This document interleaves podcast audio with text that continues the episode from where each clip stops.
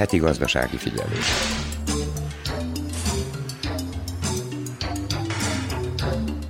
Januártól a minimálbér 40 ezer dinár lehet, de emelkednek a nyugdíjak is, jelentette be a pénzügyminiszter, ugyanis szerinte ez lenne a reális minimálbér. Szavai szerint a nyugdíjasok két emelésre számíthatnak, az elsőre már november 1-én. Hegedűs Erika köszönti a heti gazdasági figyelő hallgatóit. Olcsóbb lett a héten a benzin, a gázolaj ára pedig maradt a múlt heti. Közben azt is bejelentették, hogy drágulnak a banki szolgáltatások augusztustól. Néhány bank az elektronikus bankolási szolgáltatásban is áremelést fontolgat, és abban is lesz változás, hogy ha elveszítjük bankkártyánkat és nincs rajta legalább 3000 dinár, az új kártya előállítási költsége is a tulajdonost terheli majd a jövőben. Az emelkedő árak és az infláció miatt idén drágább a belföldi nyaralás. Az élelmiszer, az energia és a tisztítószerek drágulása miatt jóval több pénzt költünk el ezen a nyáron a turisztikai központokban. Ráadásul a vendégház tulajdonosok is megemelték az áraikat. A szállodák és az éttermek mintegy 20%-kal drágítottak. Annak ellenére, hogy az üdülés többe kerül, tele vannak a szálláshelyek, a magasabb árak egyelőre nem szekték kedvüket a pihenni vágyóknak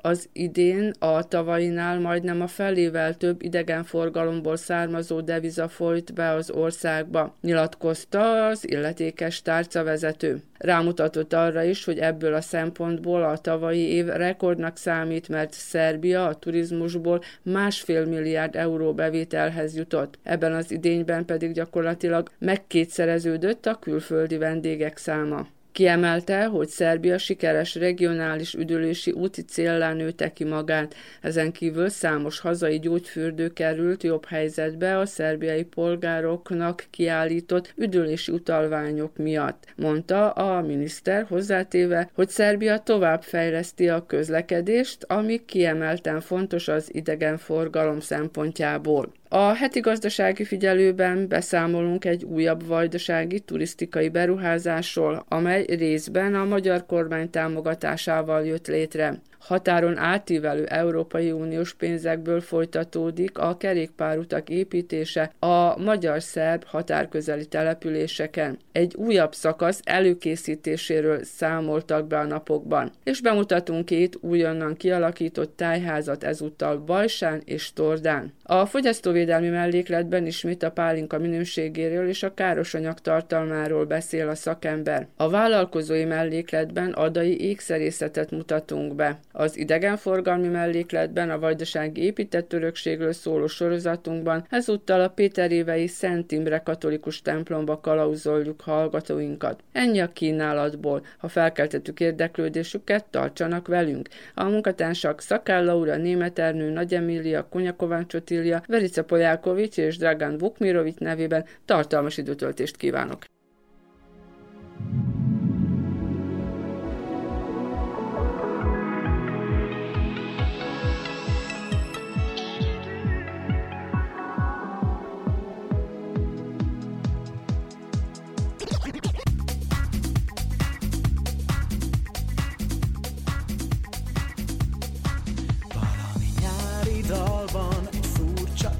Érzés, kavarok szüntelen.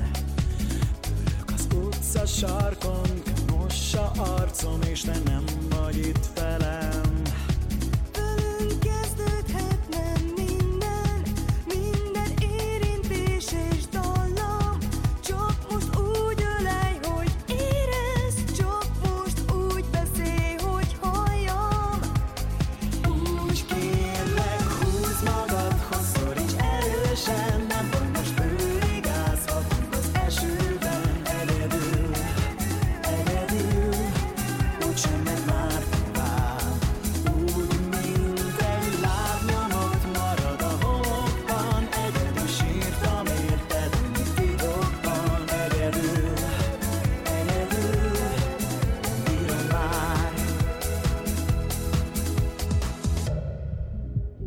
az Újvidéki Rádió.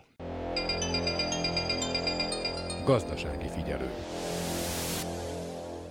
Újabb beruházással bővült a palicsi idegenforgalmi kínálat, megnyílt ugyanis a Navigátor apartmanház, amely elsősorban a vitorlázók szálláshelye lehet. A több mint 63 millió dinár értékű turisztikai fejlesztésben 23,5 milliót a Prosperitáti Alapítvány pályázatán nyertek el a szálláshely tulajdonosai. Szakál Laura Jálta, múlt heti vendégház Gavaton. A most megnyílt apartmanház 16 szobás, 49 vendég befogadására alkalmas. Tihomir Zakic igazgatótárs tulajdonos a testvéreivel együtt álmodta meg ezt a vállalkozást. Tihomir vitorlázik, így az igényes szálláshely nyújtása mellett a sportra is igyekszik felhívni a figyelmet. Testvérem egy 15 éve, majdnem 20 éve már csinálja az apartmánokat Palicson. Én még egy 6-7 éve elkezdtem a városközpontban, a városházánál. Ebből született a, az ötlet, hogy akkor Palicson, mivel Palics lássuk, hogy lassan nyöl, sajnos lassan, de növelkedik, hogy itt csinálunk ilyes, ilyen apartmánt. Láttuk, hogy ez a turizmus növelkedik, láttuk, hogy ebbe van az esélyünk. Mink kiskereskedelmi bótokkal dolgoztunk, volt 7-8, most már kettő van, szóval lassan, lassan át, áttesszük a céget turisztika. Természetesen itt vagyunk három testvérek, az anyu, apu, az a nagy család, hogy hogy, hogy, hogy nevezzük meg ezt, a, ezt az épületet. Ennek az épületnek már jóval benne voltunk az építése, majdnem kész volt. Rájöttünk, hogy inkább akkor mit szeretünk, mi az életünk. Mert én szeretném mondani, hogy a vitorlázás az életünk, a, amit szeretünk, ez meg munka. Most összehoztuk azt a kettőt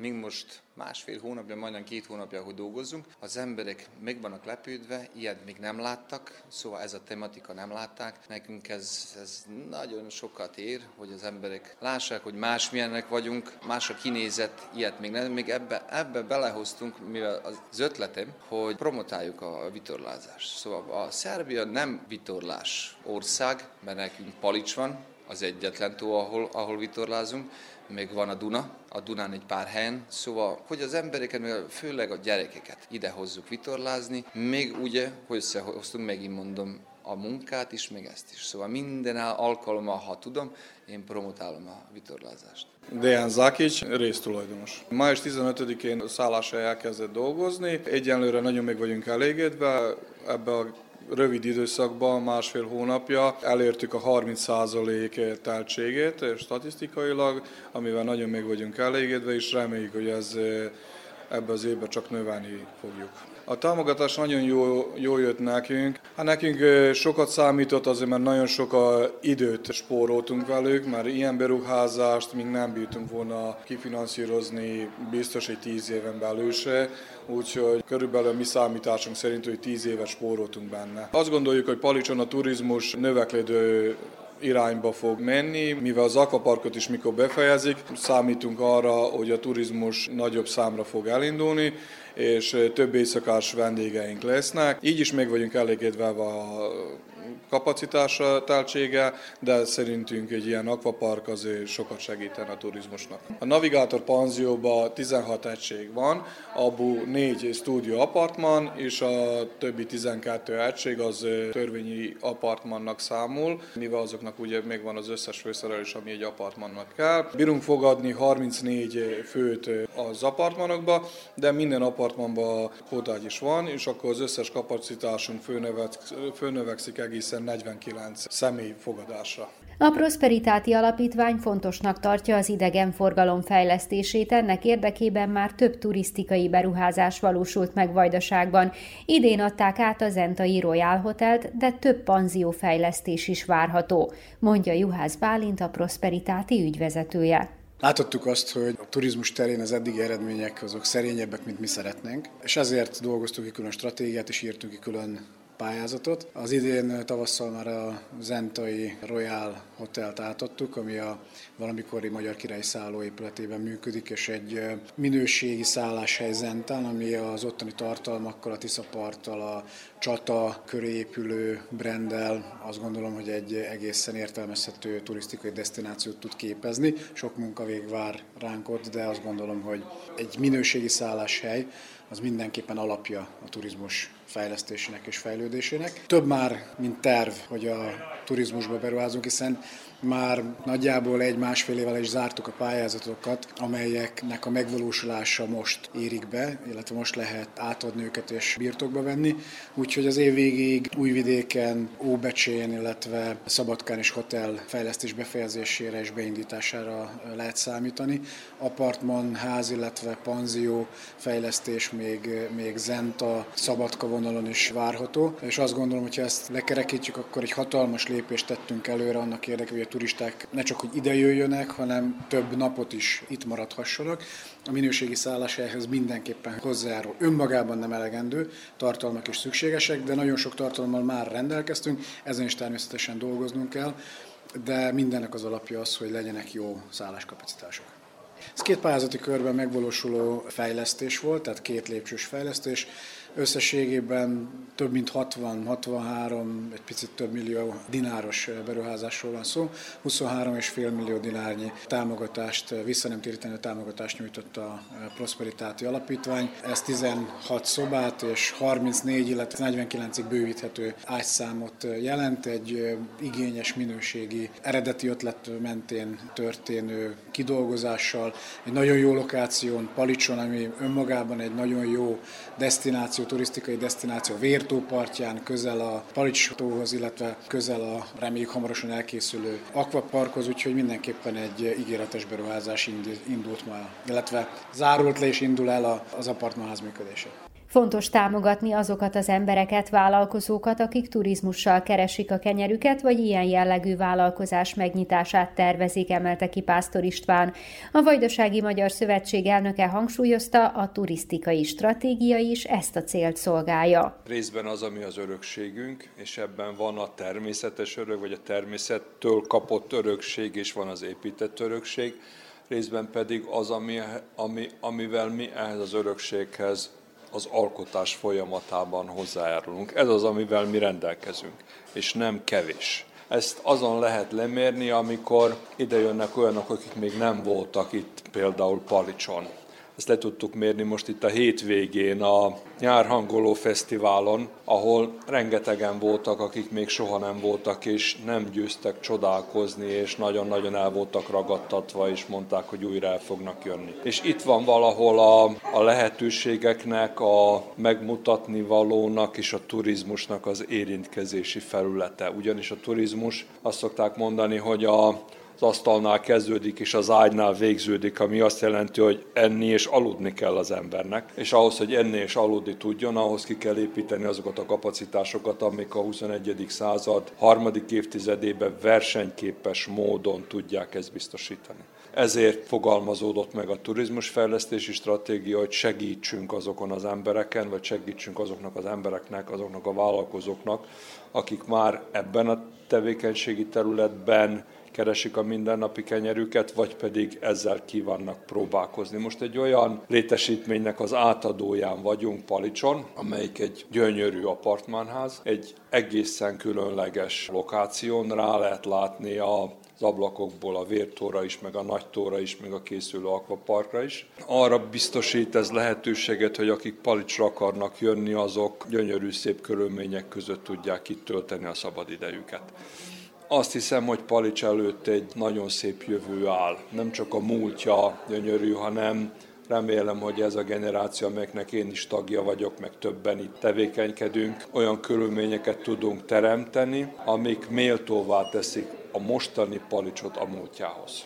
A pályázás kiírásának a pillanata az az igazságnak a pillanata. Ott akkor elválik, hogy ki az, aki valóban komolyan gondolja, úgy gondolja, hogy a saját megkeresett pénzének is egy részét rizikózza, úgy gondolja, hogy beleáll egy történetbe, mert annyira biztos abban, hogy jó, hogy ezt eh, emberileg is, családilag is, arccal is, névvel is fölvállalja. Kevesebb volt a pályázó, mint ahogy azt reméltük, de azt is hozzá kell, hogy tegyem, hogy ez egy hosszú folyamat. Tehát ezt a fajta gazdasági tevékenységi ágat, ezt nagyon pátyolgatva lépésről lépésre lehet csak eh, előbbre vinni. Itt a, a növekedés az messze nem olyan, mint az iparban, van, ez egy másfajta terület, és azt gondolom, hogy ilyen kell, hogy legyen az alapállásunk is. Nem szabad ezeket a pályázatokat abba hagyni, nem szabad fölhagyni a meggyőződéssel, hogy vannak és lesznek olyanok, akik szolgáltatások terén, a turizmus terén kívánnak egzisztenciát teremteni. Az anyaország támogatásával hamarosan Szabadkán és Zentán is várhatóak panziófejlesztések. Itt az Újvidéki Rádió.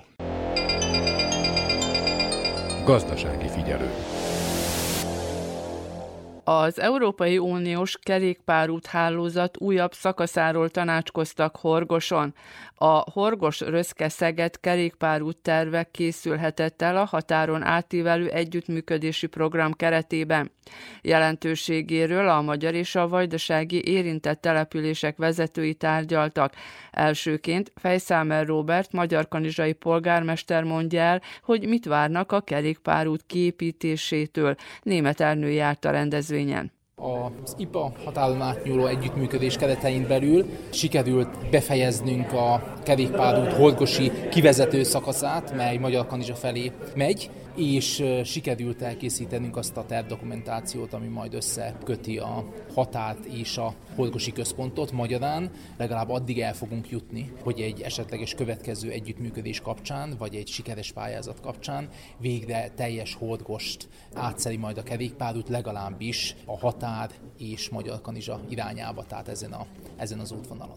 Attól függetlenül, hogy voltak nehézségek a kivitelezés során, főleg a helyi lakosok részéről, akik általában a fákat, boknokat és az ő általuk nevelgetett és ütetett növényzetet féltették. Ettől függetlenül én úgy gondolom, hogy a hasznossága az már közlekedésbiztonsági szempontból is nagyon fontos volt, és szükséges volt ez a kerékpárút, hiszen itt Horgoson megy át az a nemzetközi út, ami a kis határátlépőre vezet, tehát a nemzetközi forgalom is hatalmas, a teherforgalom is, és a személyszállítási forgalom is, úgyhogy mindenféleképpen én úgy gondolom, hogy közbiztonság szempontjából is fontos. Nagyon sokan használják, hogyha bárki elmegy a kerékpárút mellett, akkor látja, hogy valóban ki van használva, fiatalok, idősek egyaránt. Úgyhogy én úgy gondolom, hogy valóban ez egy nagyon sikeres, közös együttműködés projekt volt. Ugyebár a magyarországi rész az Röszke és Szeged irányába folytatódik, tehát én bízom benne, hogy egyszer csak valóban elérjük azt a hosszú távú célunkat, hogy Szegedet és Zentát úgy kötjük össze kerékpárúttal, hogy az Magyar Kanizsán keresztül vezet majd. Mivel, hogy Horgos belső területén készült csak el a kerékpárút. Természetesen a településeknek az összekötése az mindenféleképpen előfeltétele annak, hogy egy községet úgymond átfogó vagy behálózó kerékpárútról tudjunk beszélni, és az igaz, hogy én folyamatosan a Tisza hát nyomvonalán beszélek kerékpárútról, hiszen az előbb említettem, hogy a hatától Zentáig, ha meg tudjuk oldani, akkor az átmegy Horgoson, Értinti Martonost és, és keresztülszári Magyar Kanizsát is, de természetesen ugyanilyen fontos számunkra az is, hogy Szabadka irányába, tehát Parics irányába is Horgostól kiindulva induljon egy kerékpárút, és hogyha ez a két szakasz összetud kapcsolódni, akkor kapunk egy olyan körforgalmat, vagy kapunk egy olyan körkerékpár utat, ami valóban egyrészt kilométerben is meglehetősen nagy mennyiség, másrészt pedig látni valóban is nagyon sokat mutat, úgyhogy az előbb, amit én említettem, közlekedésbiztonsági érveket, az mellé hozzá lehet tenni az idegenforgalmat és a környezetvédelmet, tehát mindenféleképpen az is egy nem titkolt szándéka ezeknek az együttműködéseknek és a kerékpárutak kiépítésének, hogy ennek turisztikai, környezetvédelmi vonzata is legyen, hiszen hogyha összekapcsolódik a Szabadka felé irányuló kerékpárút és a Zenta felé irányuló kerékpárút, akkor például a mi magyar kanizsai járásunkon vezet keresztül az út, ami különben is egy természetvédelmi terület, és aki nem járt még arra, annak kerékpárdal mindenféleképpen élmény lesz, ha majd egyszer lesz arra egy kerékpárot. Vannak-e megfelelő pályázatok? Lehet-e ilyeneket találni? Most pillanatnyilag záródott az EU-s források egy jó része, Nem is beszélve arról, hogy Magyarországon is és Szerbiában is választások voltak ebben az évben, úgyhogy én most nem látom ebben az évben a, a lehetőségét annak, hogy ez bármilyen formában folytassuk, de én bízom benne, hogy az elkövetkező években lesznek ilyen nyitott pályázatok, hiszen mindkét ország és egyben az Európai Uniónak is fő célkitűzése egyrésztől a környezetvédelmi szintek növelése és a környezetvédelemnek a fontossága, másrésztől pedig mindenféleképpen egy fontos gazdasági ág számunkra az idegenforgalom, úgyhogy mindenféleképpen szeretnénk az idegenforgalom kerékpáros és egészségtudatos vonalát is erősíteni, úgyhogy rajtunk nem fog múlni az, hogy ha megjelennek pályázatok, akkor azokra be is adjuk. Borbás Nemárki Márta vagyok, Röszke település polgármestere. Ami az egyik legfontosabb és az az együttműködés. És ez, ezen van a hangsúly, mind a mellett, ami a projekt kapcsán létrejött a településeken, hiszen ez egy határon átívelő közös együttgondolkodásnak egy szép példája, Magyar Kanizsa, Horgos, Röszke és Szeged tekintetében. Röszke településen ugye a határátkelő közelsége és a Röszkéhez tartozó határátkelési problémák kapcsán. Abban gondolkodtunk a partnerekkel, Magyar Kanizsával, Horgossal közösen megbeszélve, hogy a kerékpárút fejlesztése lenne az egyik legkiemelkedőbb célkitűzésünk, hiszen óriási nagy az ingázó forgalom a, a két település között, ugye egy határátkelővel megnehezítve, mind a mellett az aktív turizmusnak és a turisztikai célpontok elérhetőségének a biztosítását is ezáltal a projekt által gondoltuk könnyebbé tenni. Röszke településen, Röszke kettő határátkelő helyen, az úgynevezett kis határátkelő helyen, ott létesült egy már meglévő kerékpár tároló, fedett tároló helyiségünk mellett egy mobil kerékpár szervizpont, és mindemellett Röszke 2 határátkelő helytől Röszke Szent Antal tér központig készültek el a kerékpár útnak a kiviteli tervei. A projektnek egy része ez volt, a másik része pedig egy már meglévő kerékpárút mentén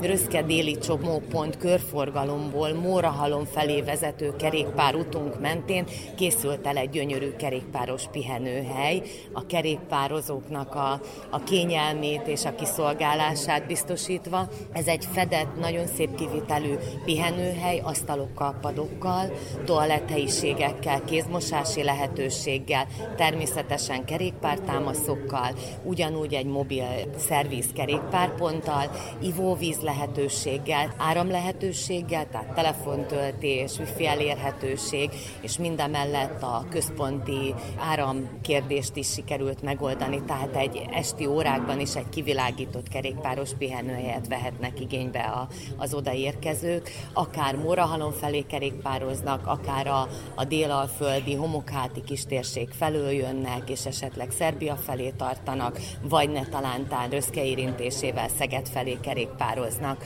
Emellett számos rendezvényt szerveztünk ebben a témában, ami az aktív turizmusra, a kerékpározásra hívta fel a figyelmet, gyerekeknek a kerékpározás szabályai, a biztonságos kerékpározás témájában sok-sok kisebb és, és egy-két nagyobb rendezvényünk is volt a, a projekt keretein belül.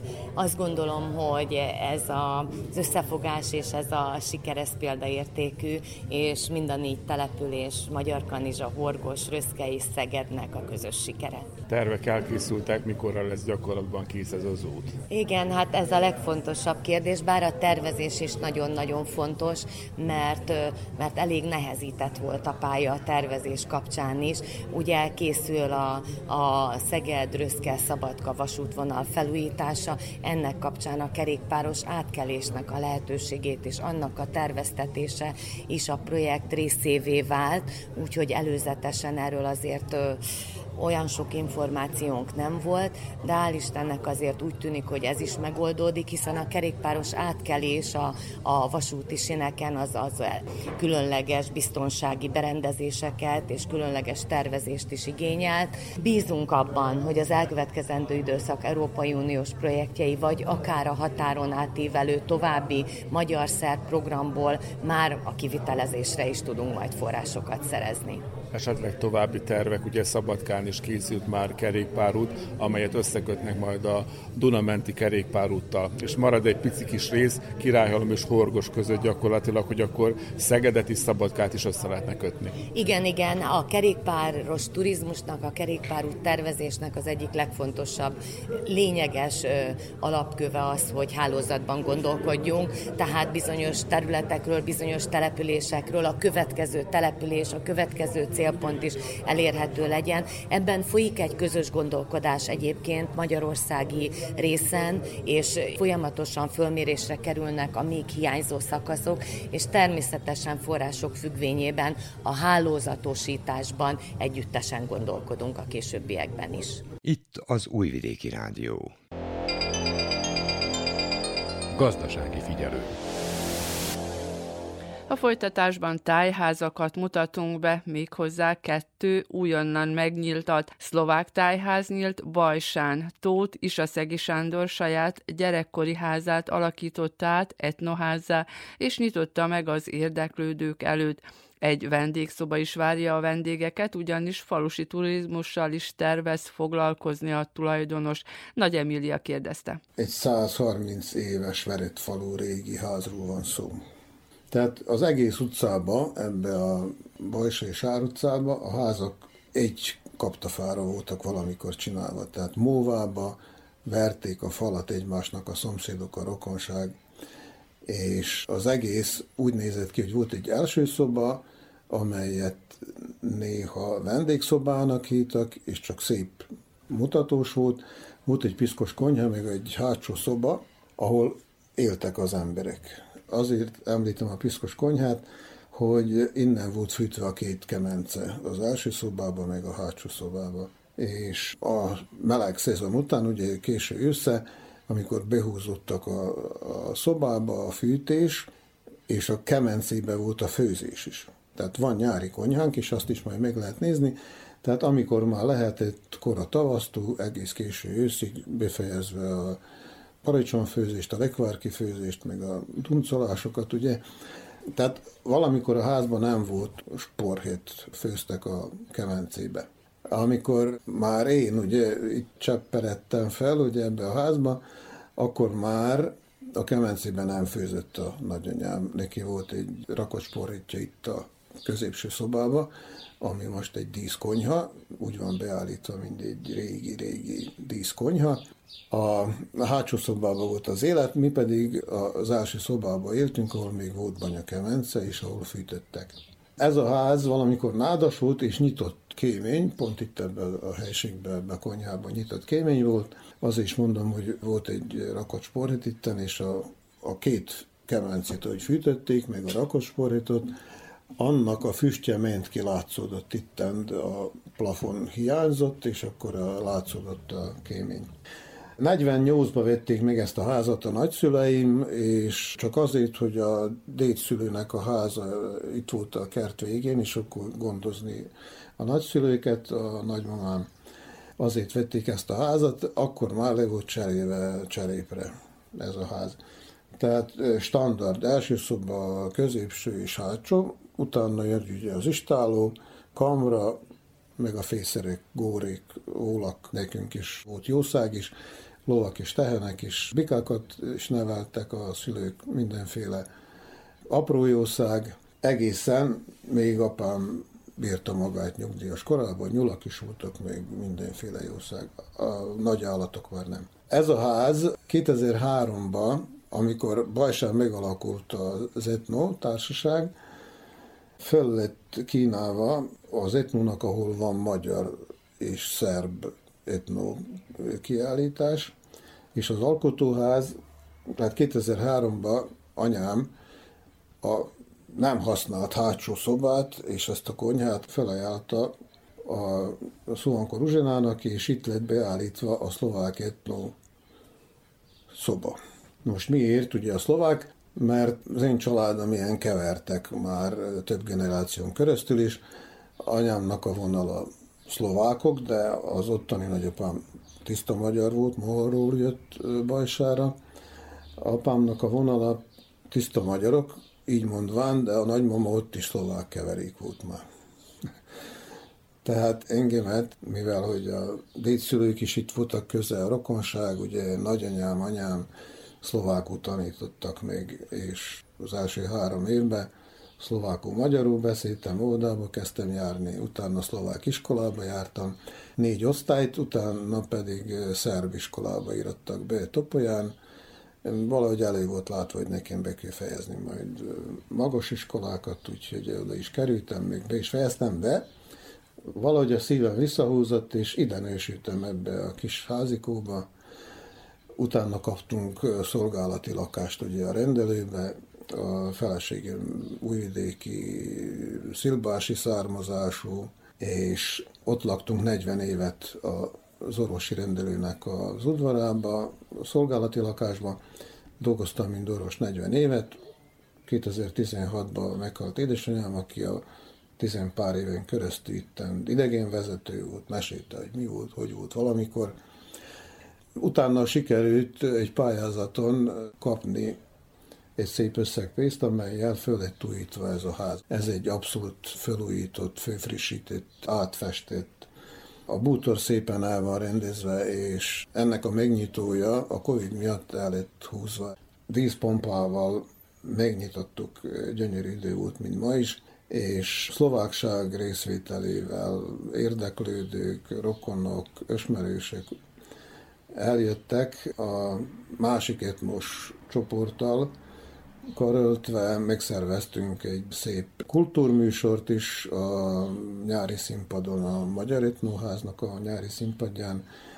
Ilyen 120 személyes ebédet is sikerült biztosítanunk. Az egész nap ezzel múlt el, azzal, hogy mi délelőtt megszerveztünk egy kis szemináriumot, hogy a szlovák etnoházak tulajdonosai, vagy azok, akik működtetik a szlovák etnoházakat vajdaság szerte, találkozója is itt történt meg nálunk, a helyi közösségnek a nagy termébe.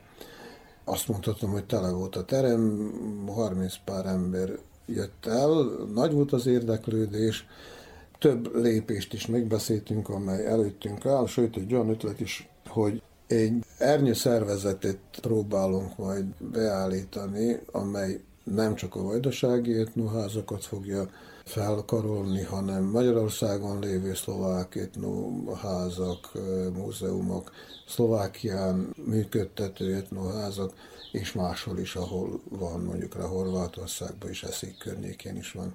Tehát ez volt a napunk. Dicsekednék azzal is, hogy képviseltette magát a szlovák matica, nem az elnökünk jött, mert ő, ő pap, és hát vasárnap éppen dolgoznia kellett, de itt volt a, az alelnök, a nagykövetségét képviselte egy titkár úr, aki ezzel foglalkozik, van neki valami köze az etnosághoz is, nagyon érdekelt volt az ügybe.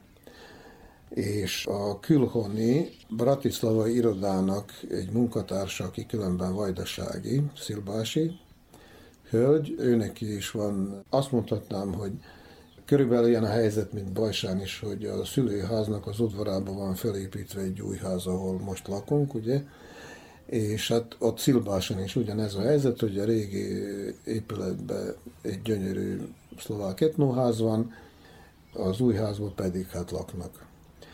Ő a külhoni szlovákságnak az irodáját képviselte itten, aminek hát örülök, mert az ő támogatásukkal és segítségükkel sikerült felújítani ezt a házat. Covid közepette, kaptuk meg ezt a pénzt, akkor visszavonták, hogy hát nem lehet ugye most dolgozni, mert Covid van, akkor kérvényeztük, hogy öt embernek szabad, nem fog több dolgozni, és akkor ilyen módon meglett ez a ház szépen csinálva, kicseréltük az egész tetőt rajta, szépen ki van minden meszelve, valamikor is stílusba kipingálva, papírmintákkal koszorúk húzva minden szobába, gyönyörűen összeállítva a színekkel, a Szolankos Annyi, aki a szomszédunk, meg hát a másik etnóházak munkatársa, Piktor volt világ életében, és ezt tett vele szépen megcsináltuk, befestettünk, átfestettünk minden ajtót. Gangot gyönyörűen megcsináltuk, és mivel különbözik mondjuk rá az etnoház a többitől, Ugye van egy olyan teória, hogy az etnoháznak úgy kell kinézni, hogy amikor belép az ember, azt érezze, hogy itten él valaki, az gazdasszony éppen kiment ad a jószágnak, és aztán folytassa a dolgát. Akkor van egy másik teória, ahol a régi tárgyak ugye úgy kellenek, hogy maradjanak patinával, ahogy megtaláltuk őket, esetleg kicsit lefújni a portróla, és úgy elrakni, hogy meglátszódjon a sok év használata. Mi egy kicsit tovább léptünk ettől, mi megszépítettük a tárgyakat, és az egész úgy van beállítva, hogy az első szoba, ahol édesanyám élt, még a kis szoba, amelyiket én kaptam, mikor tanultam, falusi turizmusra van elkészítve, három ágy van, amelyet akármikor meg lehet vetni, és lehet benne aludni, és csináltunk egy kis tusolós, vécés kabint, ez nagyon előtt a standard etnoház koncepciótól, de hattunk azért lehetőséget, hogy a nyári konyha, amely az udvar végén van, és egy fészer alatt be van állítva egy régi szerszámos műhely. A hátsó szoba, a középső szoba, a nyári konyha és az a szerszámos műhely az, amit fel tudunk mutatni, mint etno.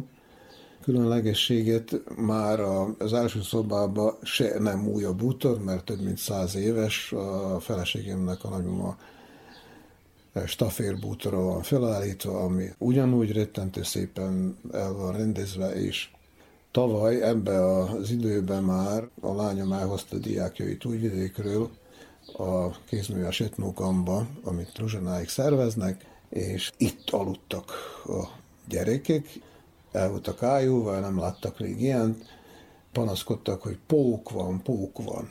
Hát mondom, itt igen, van pók is. Uralkodik nagyon ez a világos kék szín, ha jól látom. Ez volt annó a nemzetiségnek a színe, vagy van valami kötődés ott? Ez a világos kék és a sötét kék különböző változatai, ez jellegzetes a szlovák faluk ház festésére, hogy így mondjam.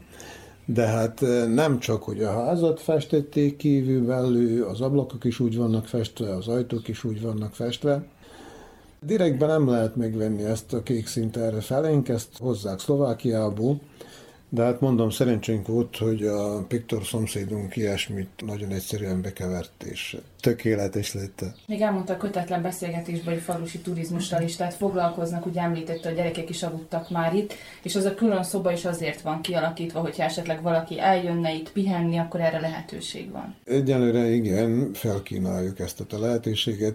A turistikai iroda Topolyáról bejelentette, hogy meglátogat bennünket, utána megbeszélnénk a, a dolgokat.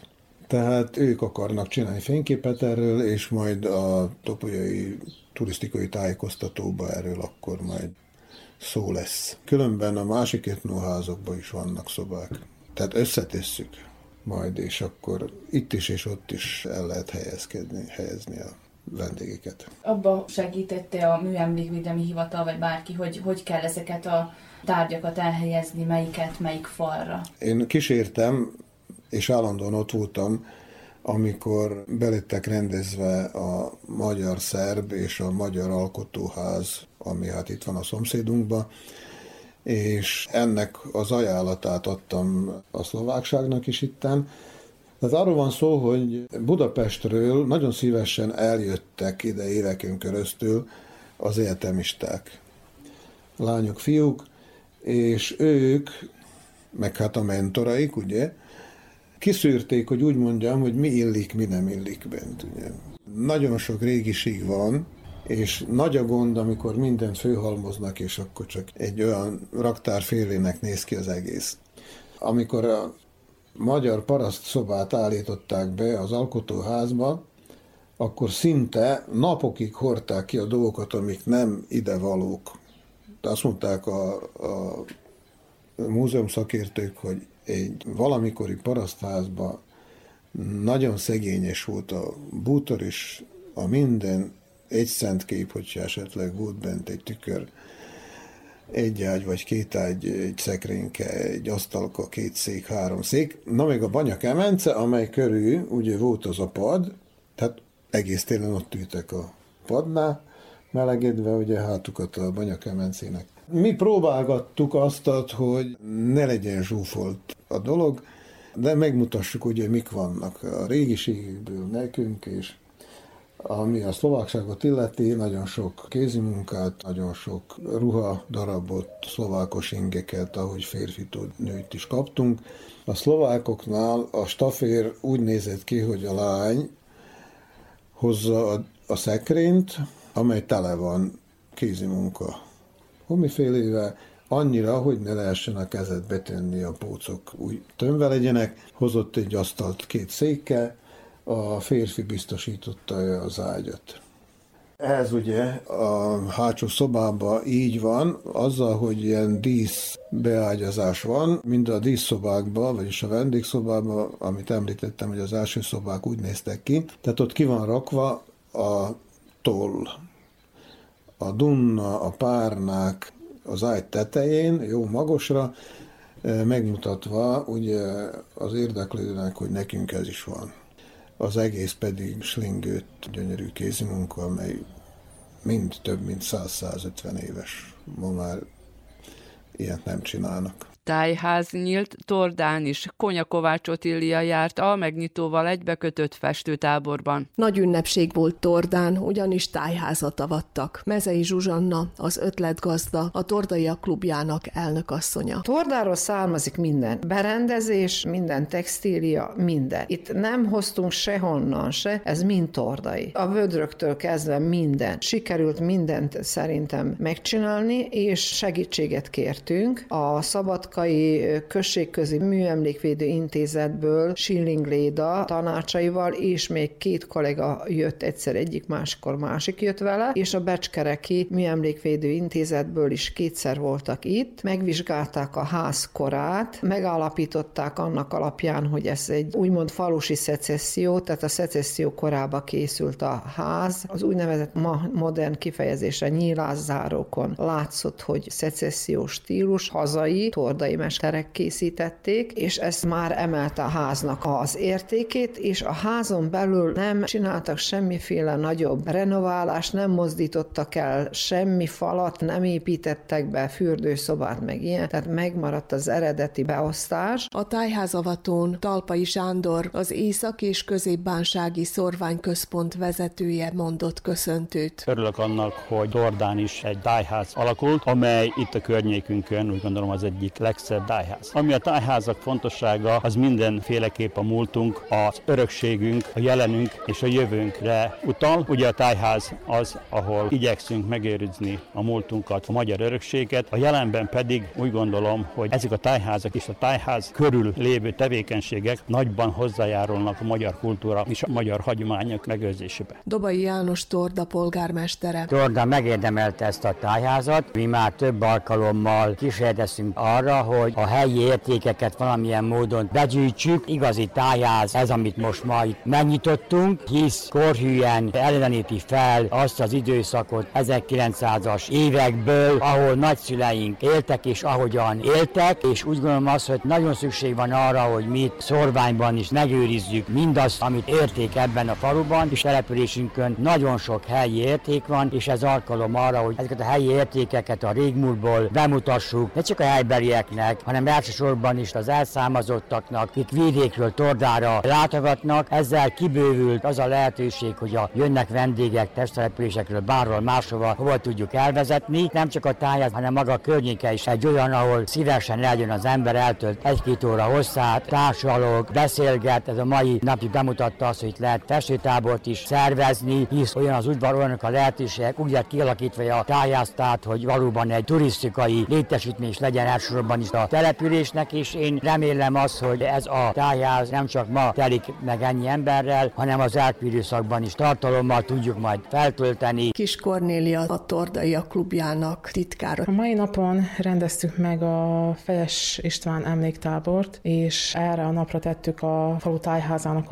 az avatóját is. Nagyon sok munkánk van benne, viszonylag rövid idő alatt, egy tavasz alatt szedtük össze a tárgyakat is a helybéli emberektől. Körülbelül 40-50 embernek a felajánlása vagy munkája, mert folyamatosan voltak itt, akik segítettek takarítani, festeni, bármit csinálni ugye itt a tájház környékén. Rengeteg tárgyunk van, persze vannak még hiányosságaink, amiket igyekszünk majd folyamatában pótolni. Ez egy gyűjtési folyamat, ezt folyamatosan kell csinálni. Úgy gondolom, hogy az egyik utolsó pillanatot ragadtuk meg, hogy megcsináljuk ezt a projektet. Úgy gondolom, hogy egy szép kis eseményt tudtunk összehozni ennek kapcsán. A tájház udvarán megtartották a 9.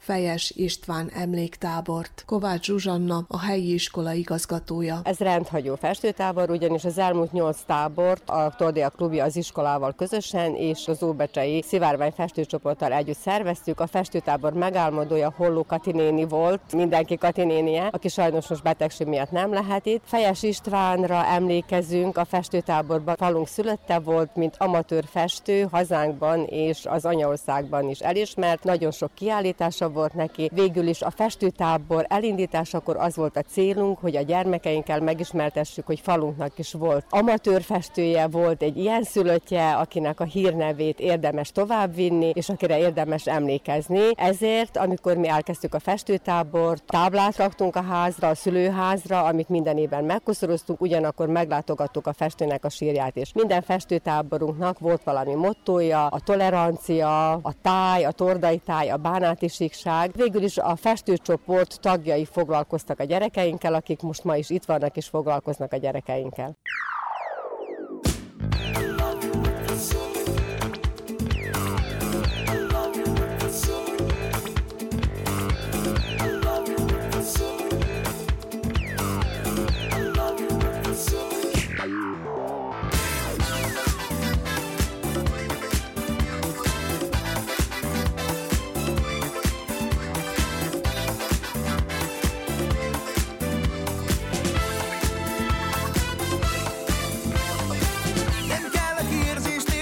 así.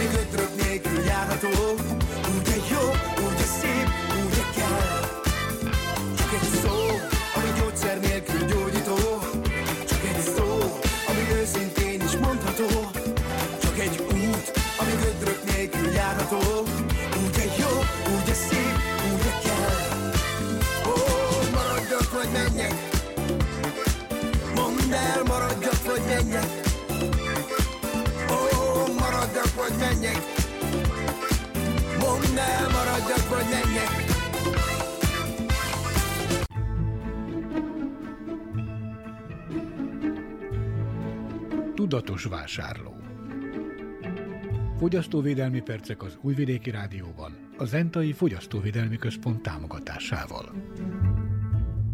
A fogyasztóvédelmi mellékletben a pálinka minőségéről és a károsanyag tartalmáról beszél Rózsa Péter, a Zentai Fogyasztóvédelmi Központ munkatársa. Ma már a fákon a gyümölcsök érlelését is mérési módokkal vizsgáljuk, és amikor megállapítjuk, hogy elérkezett a szüretnek, a, például mostani alkalommal a barack, a kajszi baracknak az érlelése, érése folytatódik, zajlik le, hogy melyik az az alkalom, amikor érdemes kézzel, vagy, vagy pedig másképpen összegyűjteni egy a fa alatt, de akkor sem nem a földre lehullottak, hanem egy egy ponyvát leterítve a barack gyümölcseinket, és akkor abból tudjunk további eljárással legjobb minőségű az adott évjáratnak, az adott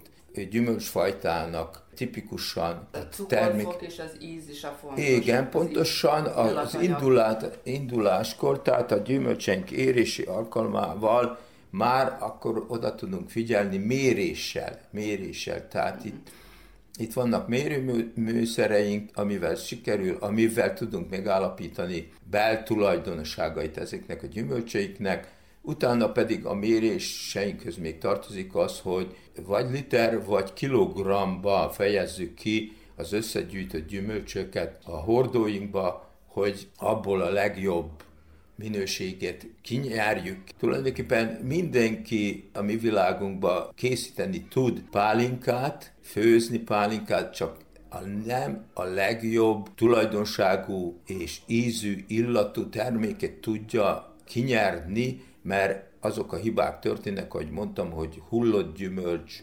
poros, rohadt, zöld, és akkor ebből is készítik a, a terméket.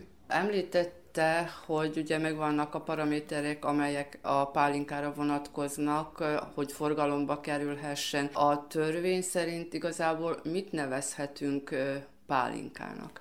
A pálinkának a, az alkoholtartalmától függően, tehát a 37,5 alkoholtartalmú folyadékot nevezhetjük 52%-ig pálinkának, amit a pálinka törvény a miénk és az Európai Uniós előírja. Tehát ez az első mutatója, amivel elláthatjuk a címkénket. A lényeg az, hogy ezeket a mutatókat mérési eredmények segítségével tudjuk irányítani. Tulajdonképpen maga a végső terméknek a minősége, a pálinkának a minősége a cefrébe 60-70 százalékban már eldől.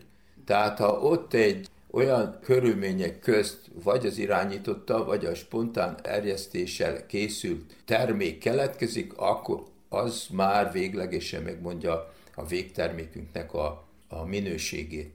És ahogy mondtam, tehát elsősorban alkoholtartalma 37 és fél kell lenni, utána pedig jönnek a különböző mutatók például, amik határértékekhez van kötve. Például a résztartalom, mivel hogy a, a desztillálás, vagyis a főzés, ahogy mi mondjuk, rézüstökbe történik, és akkor a rézüstök belső felületén réz rozsda halmozódik föl, és ebből a réz rozsdából bizonyos mennyiségű átjut a végtermékünkbe is, tehát a pálinkába. A fogyasztóvédelmi szempontból, tehát akkor meg van határozva, hogy milyen olyan anyag lehet benne, ami még nem káros a, az emberi szervezetre, ami engedélyezett törvény szerint, és nem káros a fogyasztónak? Így van, ahogy is mondtam, a résztartalomnak is megvan egy bizonyos határértéke, amennyit tartalmaz. Utána a cián vegyületeknek a jelenléte, az is egyszerű, gyors, úgynevezett gyors analitikai módszerre ellenőrizhető. Én is olyanokat végzek a csonthéjas gyümölcseinknél, hogy megnézem, hogy mekkora mennyiségű cián vegyület halmozódott föl a végtermékbe, a pálinkánkba, mert ha annak a határértéki túllépése, az természetesen úgy lehet vizsgálni, meg kezelni, mindegy nem fogyasztásra alkalmas terméket. Tehát, ahogy mondom, a résztartalmát, a cián tartalmát, a metilalkohol tartalmát is gyors módszerre, ugyanis ismeretes a metilalkoholnak az ideg méreként haló hatása. Fogyasztóvédelmi percek az Újvidéki Rádióban, a Zentai Fogyasztóvédelmi Központ támogatásával.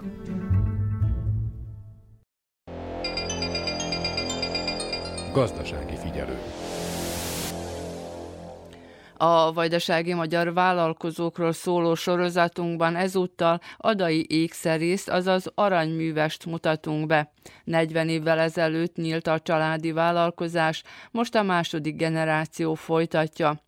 Az ízlések és a divat változik, a vevők azonban legtöbbször határozott elképzeléssel érkeznek. Mostanában már nem csak ékszer iránt van érdeklődés, a befektetési arany is piacra kerül, bár most az aranyára magasan van a világpiacon, mondja Nagy Abonyi pap Szuzanna tulajdonos. Mint ékszer befektetés, úgy nincs külön érdeklődés, inkább a befektetési arany. Nagyobb az érdeklődés, mivel most voltak ugye bérmálkozások, első áldozások, ballagások még zajlanak, és akkor ebben az időszakban nekünk több munkánk van. Ez hagyomány még mindig? Még mindig igen hagyomány, és akkor hozzájönnek még ugye az esküvők is, mert ők is megindultak ottan március vég, április elejé, egészen október végéig mondjuk tartanak. Ez is egy kicsit több munkát hoz, mint a téli időszak. Etéren van-e változás évek során, hogy más-mást szeretnének vásárolni, vagy inkább arany, vagy ezüst, vagy fehér arany? Van-e valamilyen akár divat is ebben. Nem, nagy eltérés lett ott, hogy ugye az arany volt a szokás régen, uh-huh. viszont az aranynak a Covid alatt duplázódott majdnem az ára és az emberek azt nem annyira tudják megengedni maguknak, hogy egy ajándékot, aranyat vigyenek, ezért az ezüst sokkal jobban keresendő dolog pár pillanat a piacon, mint az arany ékszer. Tehát mi iránt érdeklődnek akkor? Tehát gyűrű, karkötő, bros, vagy ebben sincs változás? Ebben nincsen változás, mert ugye a lányoknak az a fülbevaló uh-huh. lánc, fiúknak pedig karlánc inkább, meg az órák ugye még plusz mellé, amik nálunk itt az üzletbe hozzájönnek elég szépen régóta vannak már a, a szakvában, ugyan önök fiatalok, fiatal a tulajdonos. Én hetedikes korom óta dolgozok. Egész nyarakat végig dolgoztam. A középiskolát azt úgy jártam, hogy egy műszakban itt dolgoztam, másik műszakban jártam, és az egyetemről is haza utazgattam dolgozni, úgyhogy én 22 éves korom óta teljes munkaidőben itt vagyok. Azért visszatérnék még az előbbi kérdéskörre, amit feszegettünk, hogy a fiataloknál azért, mert hogy, hogy ugye említette, hogy első áldozások, bérmálkozások, változás, ballagás generációkon, tehát most ez a 20 pár év alatt változott a fiatalok érdeklődése, hogy milyen alakot, milyen mintázatot, hogy, hogy mit vált, mit, vagy az, ami a kínálatban van. Változott, és itt nagyon sok változást hozott az Instagram. Mivel ugye a Facebookot eddig is 10-20 éve használják az emberek, viszont nem tudnak képekre rákeresni. Uh-huh. Az Instagramnak van egy profilja, hogy beírja ugye a hashtagot, és uh-huh. ő kidobja, hogy ön mit keres. És itten rengeteget dolgozunk képekről, hogy jönnek direkt uh-huh. képekkel, nem a kínálatból, hanem ők ezt látták, külföldi oldalakon átlagban is ők azt szeretnék megcsináltatni, vagy olyan valami hasonlót keresnek, hogy van esetleg készleten. Úgyhogy jobban jönnek konkrét dolgokkal, mint az előző években, mondjuk rá 5-10 évvel ezelőtt. Ez az elmúlt három év, ez most már inkább erről szól, hogyha direkt valaki úgy jön be, hogy szeretne valamit, akkor sok alkalommal tudja is, hogy konkrétan mit kér. És az ékszervilágban, világviszonylatban milyen időközönként változik a divat? Tehát évente, vagy azért van néhány év, amiben pici változás van, és utána jön egy, egy esetleg nagyobb horderejű változás? Tehát milyen időközönként? Hát ez a három-négy év úgy mondom, mert most nagyon divatok ezek a vékony láncok egy kis medállal, ezek mennek mondjuk rá egy két éve, meg szerintem még két évig ez a divat, ez, ez az irányág ezt tartani fogja.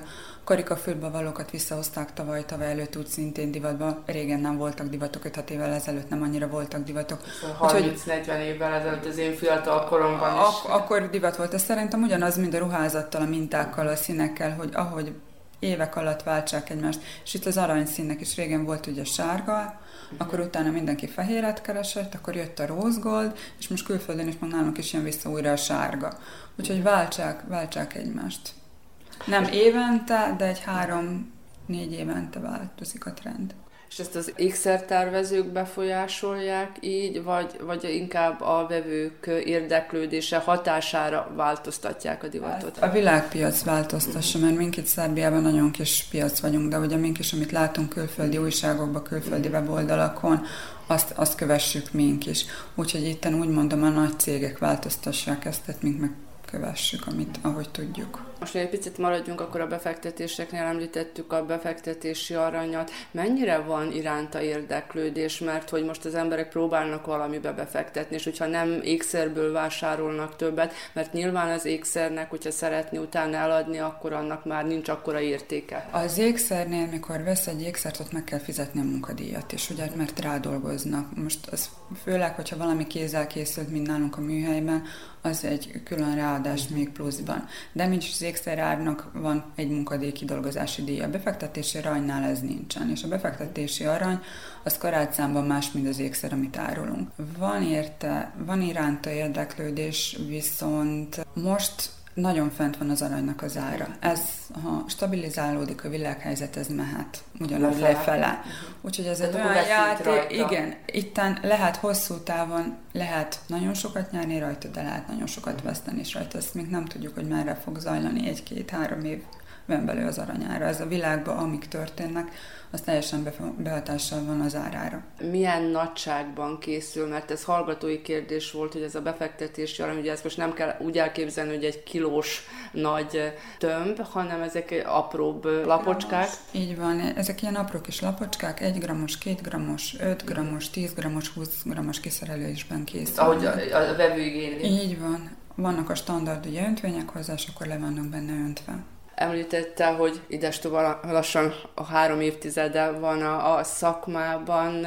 Ez tudatos döntés volt, hogy a családi vállalkozást folytatni? Tehát hogyan kezdődött az ön érdeklődése? Behozták a műhelybe, meg az üzletbe? 1981-ben apu nyitotta a boltot, ő tanult ékszerész volt. Utána ő neki lett, ahogy fejlődtek egy munkása, aki még meg nem halt itt maradt nálunk Mellette utána jött még egy fiatalabb munkás, viszont édesapám ő lebetegedett, és ő nagyon gyorsan ágyba maradt. Akkor léptem én be a képbe, hogy valakinek még be kellett segíteni, és akkor így, így kerültem én ide. Az egyetem mellett utána itt is maradtam, végül úgy döntöttem, hogy ezt szeretném folytatni. Tanult szakma, vagy azért próbált más felé irányulni, és akkor visszakerült? Én kettőt csináltam mellette, mert itt is megcsináltam ugye a középiskolát gyorsképzésen, az ékszerészetit, viszont közgazdaság egyetemet is befejeztem, úgyhogy kicsit változatosak a dolgok, de, de tanult. A férjem, ő pedig itt tanult, aki nálunk a szakmát. Az hány éves képzés, hogy valaki, és egyáltalán hány év eljutni odáig, hogy akkor önálló mester legyen? Vagy ezt inkább őt kéne kérdezni? Négy éves a középiskola, de ez egy olyan szakma, hogy itt nagyon sokan be tudják fejezni, de utána kinek van tehetsége, az ez mind a rajz. Szóval az ékszerész szakmát mindenki nagyon szép, finom, tiszta szakmának képzeli el, ez nem így van. Egy nagyon munkás és egy nagyon, úgy mondom, férjem kezére kell csak ránézni, hogy mind az autószerelők egy olyan szakma, hogy sérül, rengeteget sérül a kéz. Ugyanúgy, mint a, a, úgy mondom, a festőknél, mikor egy gyűrűbe 100-150-200 kis egymillis követ kell beleépíteni, azt nem mindenki fogja tudni megcsinálni, aki odaül. Vannak olyan kezek, amik durvábbak, amik nem tudják ezt a munkát kísérni, és vannak finomabb kezek. Plusz a másik része, hogy ők egész nap mikroszkop alatt fent ülnek és dolgoznak, ez egy ülő, ülő munka. Úgyhogy az iskolát aprólékos, aprólékos nagyon. nagyon, és igényli a, az ízlést is, hogy az látszon, a sarkok, a kis részletek. Úgyhogy iskolát be lehet fejezni, viszont azt az a szakmát, de... ezt a szakmát ehhez érzés kell. És ezt apunak a régi kollégái is az így van, hogy ehhez a szakmához, ehhez egy nagyon nagy érzés is kell, hogy ezt valaki tudja csinálni. Tehát, hogyha most nem mintáról, egy hozott mintáról, képről készítenek egy ékszert, akkor fölismerhető az ékszerész munkája, tehetsége, kézügyessége az alapján, amit... Nem, a kézügyesség nem, mert maga egy ékszer tud készíteni három forrasztással, és semmi kézivés, és semmi beépített kövek rajta, vagy pedig tud egy nagyon munkás darabot csinálni, ahogy e, kézzel furatott véséseken, merít itt is most az ékszer szakmában CNC gépekkel ők kifúrják a kövek helyét. Vagy egy öntvényt, ha leönt, a kövek helye ki van öntve, be kell foglalni. Vagy más, hogyha nullából indul, egy lappal, onnan vág ki mindent, kézzel rajzolja be, kézzel méri ki, kézzel vágja ki, fúrja ki, rasszeli, nagyon különbség van a kézi munka és a gépi munka között. Úgyhogy meghatározóan a saját dizájn alapján nem. Megvannak azok a munkák, a kövezési stílusok, típusok, vésések, ami alapján az ékszerészek ugye kvalifikálják magukat, hogy hova is tartoznak. Mert más az egy követ betenni, és csak így négy krapnit rányomni, vagy más eldolgozni a foglalatot, rendesen rádolgozni a foglalatokat. Úgyhogy ezt lehet, hogy a laikus szemmel sok minden nem látható, de mink, akik ezzel dolgozunk, itt nagyon sok mindent látunk. A munkafolyamat honnantól kezdődik önöknél, és hát egy késztermékkel fejeződik, ez egyértelmű, de hogyan kezdik, tehát honnan kezdődik hozzák az aranyat? Aranyból, öntésből kezdődik az egész, hogy összeöntsük, és akkor attól függ, hogy mit kell csinálni. A símből indul utána az egész, abból vágjuk ki, és formáljuk továbbra a dolgokat. Húzzuk le a drótokat, attól függ, hogy mit készítünk. És hány napos folyamat ez onnantól, hogy elkezdték, és hogy aztán ki tudják ide rakni? Ez attól függ, hogy mit kell csinálni. Egy bonyolult darabot napokig is tudunk készíteni. Egy egyszerűbb darab mondjuk rá egy munkaidő alatt megvan. Nagyon, nagyon attól függ, hogy mit csinálunk úgy mondom, hogy, hogy ezzel milyen kidolgozást, hány követ, milyen szélek, milyen formák, milyen sarkok, plusz még a színek, mert ugye még nem festjük őket, összerakjuk a színeket. A színeket össze kell rakni, akkor színeket külön ki kell vágni Úgyhogy van, van velük néha mit csinálni. De hát ezt szeressük csinálni, ezt csináljuk. És egyébként mennyire tudják önök befolyásolni a vevők ízlését? Ugye most itt volt egy anyuka két nagylányjal, amikor válogattak, és hát úgy nagyjából tudták, hogy mit szeretnének, de azért úgy megkérdezték, hogy akkor ezt vagy azt vagy, vagy a maszt a néhány kiválasztott közül. Tehát most nyilván, hogy esetleg kéz, arcformára, tehát hogyha fülbevaló, vagy ha ismeri az embert egyéniségre, vagy tehát határozott elképzeléssel jönnek, ha, akár hogyha választanak, akár ha készítetnek, vagy esetleg tudják önök kicsit befolyásolni őket? Én igazság szerint nem igazán szeretem, én meg tudom mondani, hogy én, az én ízlésem uh-huh. szerint melyik áll jobban de viszont én azt mondom, hogy a vevő fogja hordani és viselni, és az mhm. ízlések különbözőek. Nem biztos, hogy azt ő jobban fogja utána szeretni, ami én nekem jobban tetszett ő rajta. Mhm. Úgyhogy ilyen szempontból mink mindig próbálunk segíteni, hogy nekünk melyik tetszik, de én igazság szerint azt szeretem, ha a vevő elégedett, és ő azt válassza, amiben ő jó érzi magát nem amit mink úgy mond, hogy irányítsuk. Nagyon sokszor tudunk segíteni, hogy praktikusság szempontjából, hogy melyik tartósabb, mindennapi használatra, melyik lesz jobb, melyik az alkalmi, kicsit szólni, hogyha sok vagy kevesebb, de viszont én az elégedett vevőket annak tartom, akik úgy mennek ki, hogy ők jó érzik abban magukat, amit ők választottak. És most manapság, most ugye beszéltünk arról, hogy esetleg befektetésre vásárolnak, vagy nem, de hogyha így most ugye fiatal lányok vásároltak maguknak, mi iránt van inkább érdeklődés, hogy aranyat, fehér aranyat, ezüstöt? Ugye némileg említette már az előbb. Az ezüst iránt sokkal nagyobb az érdeklődés, főleg a fiatalok körében úgy mondom, hogy 90% az ezüst. Mert ugye a fehér arany is azért Mert hasonló. A, egy ezüst fülbevalót megvesznek a lányok ezer dinár körül, vagy egy gyűrűt ezer dinár körül, így van. Uh-huh. Szeretik őket cserélgetni, fehér arany, ennek tízszeresítől indul neki az ára. Úgyhogy ezt megengedni anyagilag is, meg a másik, hogy ugye így több mindent tud magának választani egy bizonyos összegből, ezüstből. Ez akkor egy gyakorlatilasabb, hogy az ár miatt? Az, a, az ár miatt az, az nagyon sok, sokat befolyásol én szerintem. A fiatalok szeretik az ezüstöt különben, mert ugye modernabb egy kicsit, dizájnosabb, nagyobb darabokat tudnak venni. Ugyanazt, ugyanolyan alakú ékszert ugyanúgy meg lehet csinálni aranyból is, meg ezüstből is? Igen, meg lehet ugyanazt csinálni aranyból is, meg ezüstből, és csak az ezüstnek a tömegsúlya, mint fémnek ő könnyebb, egy puhább fém más karakterisztikákkal, mint az arany. Úgyhogy ugyanaz a darab aranyból, meg ezüstből mindig nehezebb lesz aranyból. Említette, hogy gyakorlatilag tizenéves kora óta itt van már a szakmába, és így, ahogy most beszél róla, meg ahogy kiszolgálta a vevőket, úgy látom, hogy megint ezt a szakmát választanak. Valószínűleg. Nem szoktam ezen úgy különösebbképpen gondolkozni. Én Szerint... Mások is belecsöppentek a családi vállalkozásba, és aztán mégsem maradtak ott. Én azt mondom, hogy mindig a helyzetből úgy kell kijönni, hogy a legjobbat kihúzzuk, nem azt nézni, hogy mi lehetett volna, vagy hogy lehetett volna, hanem csináljuk azt, ami van, és a most. Holnap majd lesz, tegnap meg elmúlt. Most kicsit személyes kérdés, van-e érdeklődés a családban, aki esetleg folytatja majd? Hát van két kislányunk, egy tíz éves, meg egy kilenc éves, és a kilenc éves... Még nem hetedikesek, ugye akkor nem, nem jöhetnek. Szoktak itt lenni, de, de, de, de ne, nem. Kisebb kislánynak igen van érdeklődése, viszont nálunk a családban is úgy volt először, még kicsik voltunk, hogy a kisebb, a hugom veszi majd át, ő szeretett volna itt maradni, mm. és fordítva lett, ő elment, és én maradtam.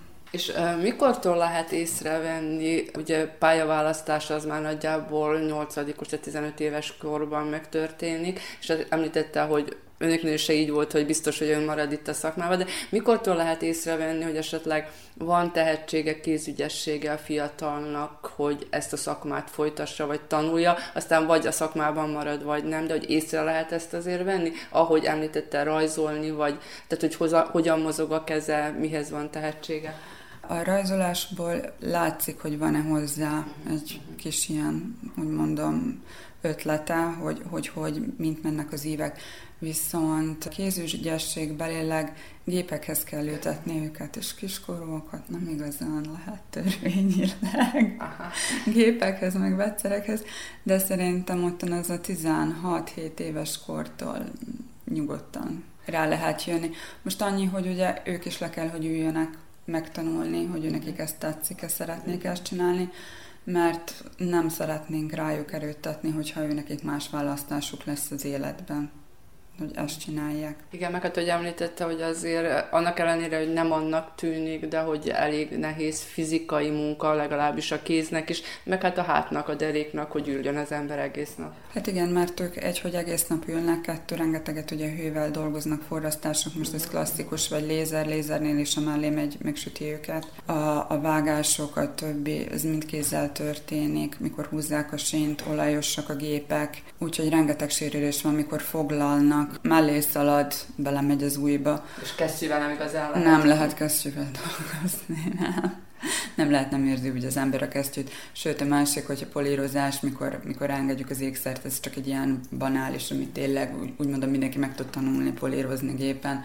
Ott is a kezek a kesztyűbe csinálják, bekapja a kesztyűt, veszélyes, muszáj kesztyű nélkül. És mikor a paszt az teljesen fekete, én és mikor megyek valahova, akkor sikálom a körmeimet előtt a gépen voltam, hogy valahogy kinézzek, mert azt hiszik, hogy a földekről jöttünk, de úgy néznek ki a kezeink.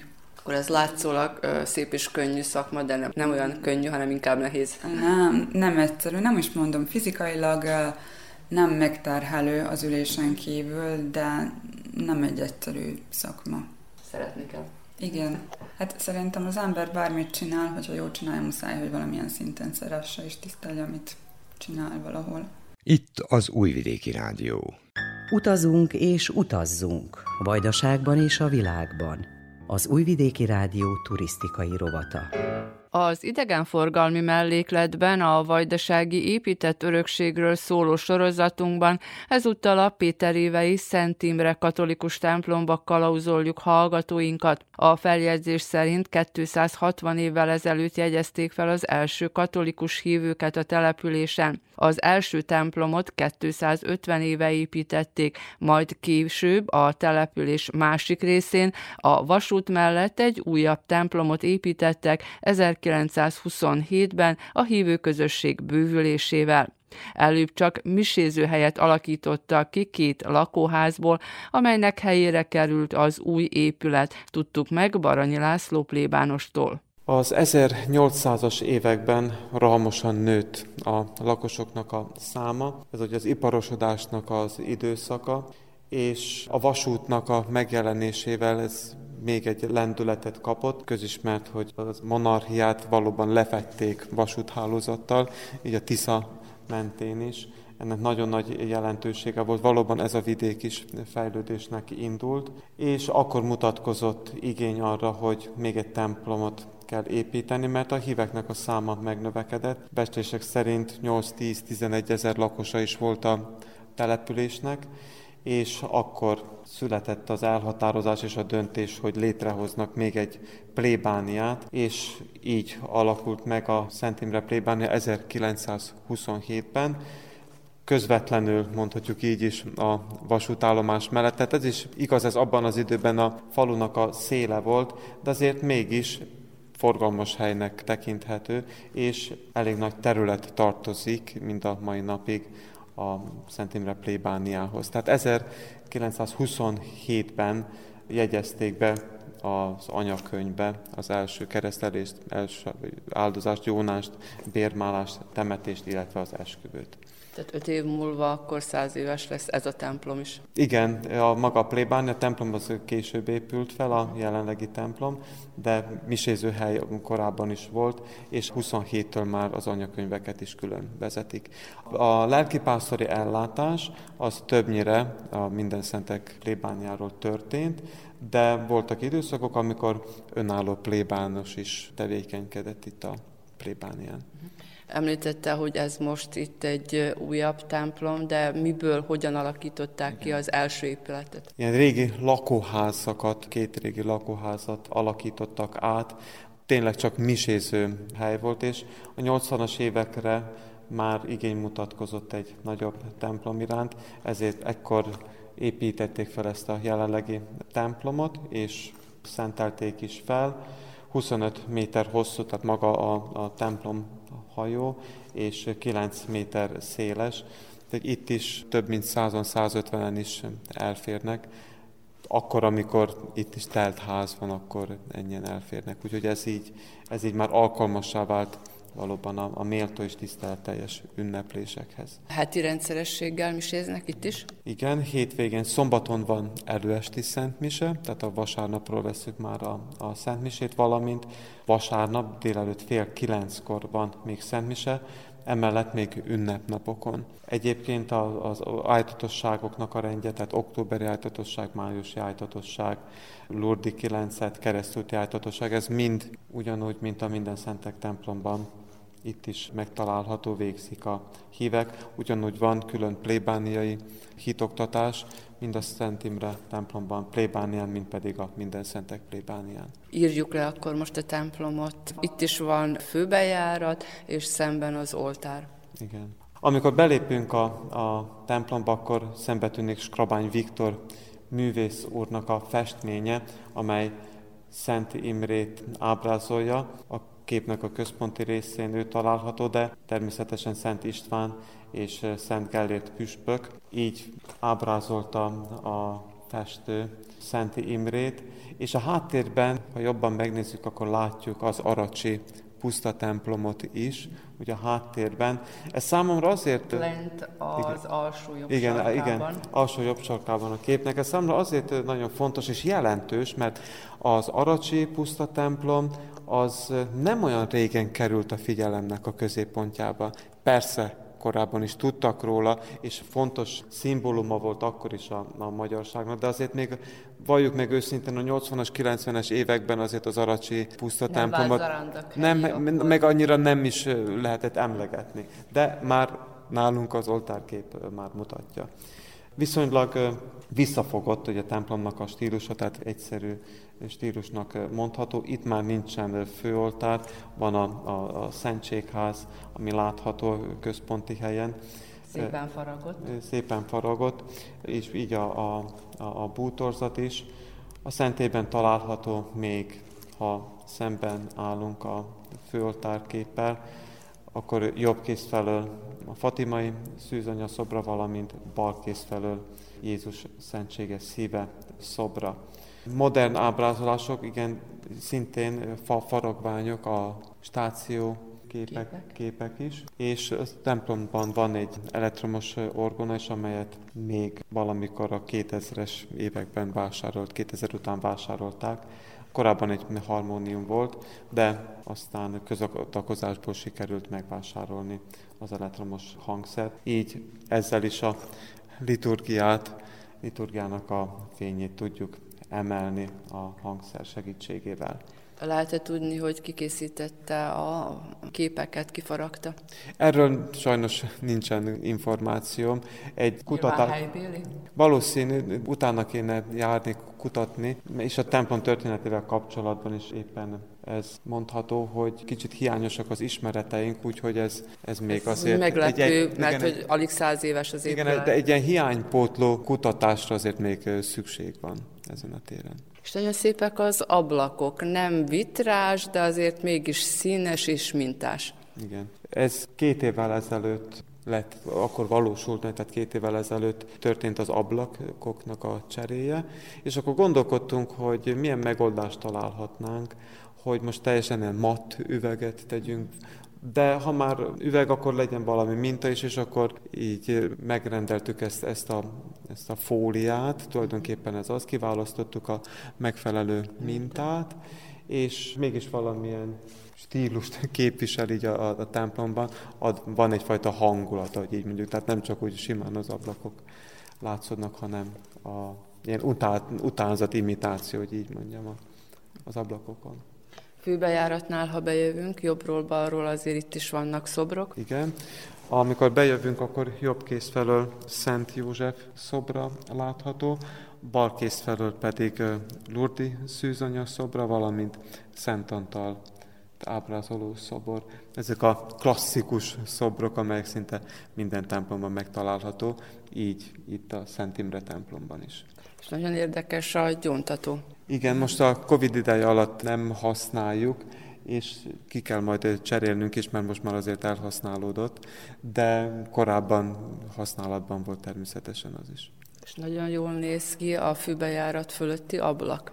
Igen, igen, ott is erre törekedtünk, hogy ezt a, ha, ha nem, nem is volt rá anyagi keret, hogy eredeti vitrást vásároljunk, de mégis ez az utánzat nagyon jót mutatott a vitrázsnak a helyén. Harangja van-e ennek a templomnak? Igen, egy harangja van, az is ilyen 150 kg nagyságú, egy harangláb található. Ennek a templomnak nincsen tornya, arra már nem volt keret, de azért a hívek is ragaszkodtak hozzá, meg az atyák is, hogy azért harang legyen, ami hívja a híveket a Szentmisére, Isten tiszteletekre, valamint temetésekre is nyilvánvalóan harangozunk, mert ennek is hagyománya van.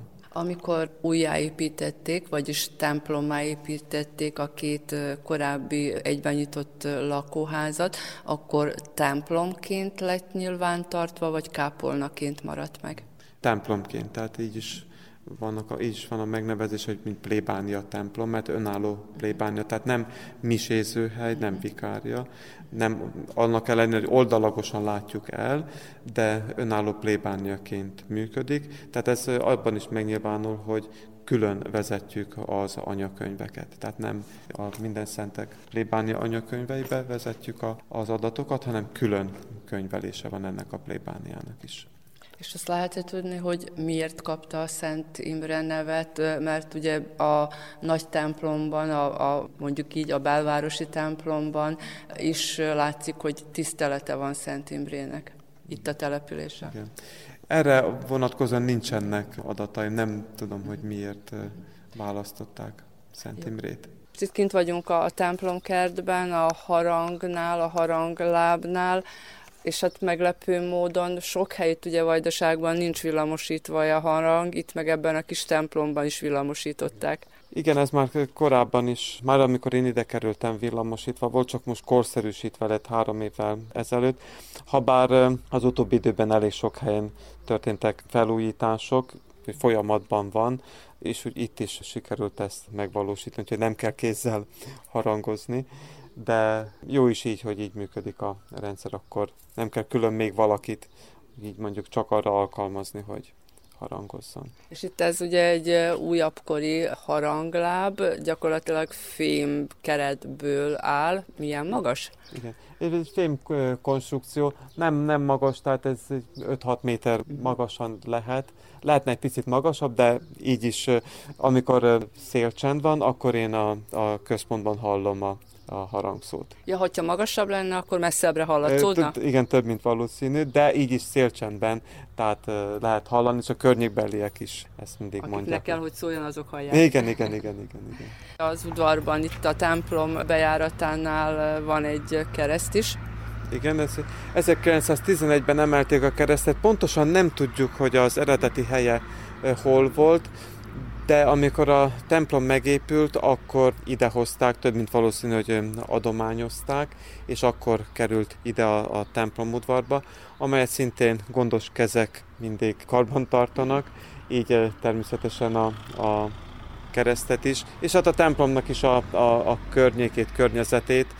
Ez itt a környéken elmondhatjuk azt, hogy mindenhol, de nálunk is elmondható, hogy valóban a hívek a szívügyüknek tekintik a, a templomot és a környezetét, ezért hála és köszönet nekik ezért. De én itt még megemlíteném a, a temetőnket is, hiszen ott is ugyanez látszik, hogy gondozzák a, a, a a sírokat. Valóban úgy tekintenek rá, mint egy emlékhely, és ez meg is mutatkozik.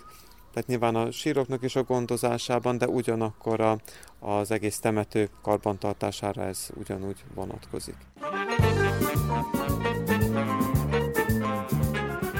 Az Újvidéki Rádió heti gazdasági figyelőjét hallgatták, amelyben beszámoltunk egy újabb vajdasági turisztikai beruházásról, amely részben a magyar kormány támogatásával jött létre.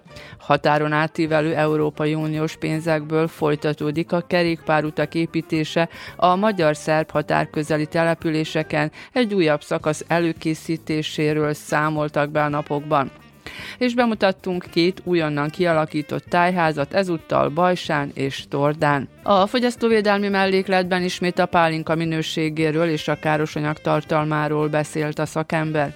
A vállalkozói mellékletben adai ékszerészetet, azaz aranyművest mutattunk be.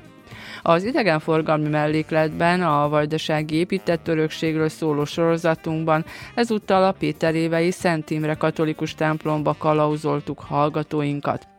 A munkatársak Szakál Laura Németernő, Nagy Emília Konyakovács Otília, Verica Poljákovics, valamint Dragan Vukmirovics és Stanislava Pacsarit nevében Hegedűs Erika köszöni meg hallgatóink figyelmét. A heti gazdasági figyelővel a jövő héten a szokásos időben, tehát kedden délelőtt a 10 és az esti ismétlésben a 8 órai hírek után jelentkezünk. Mit leszünk? Remélem önök is. Közben műsorunk visszahallgatható az rtv.rs.hu honlapon, a hangtárban, a heti gazdasági figyelő cím alatt.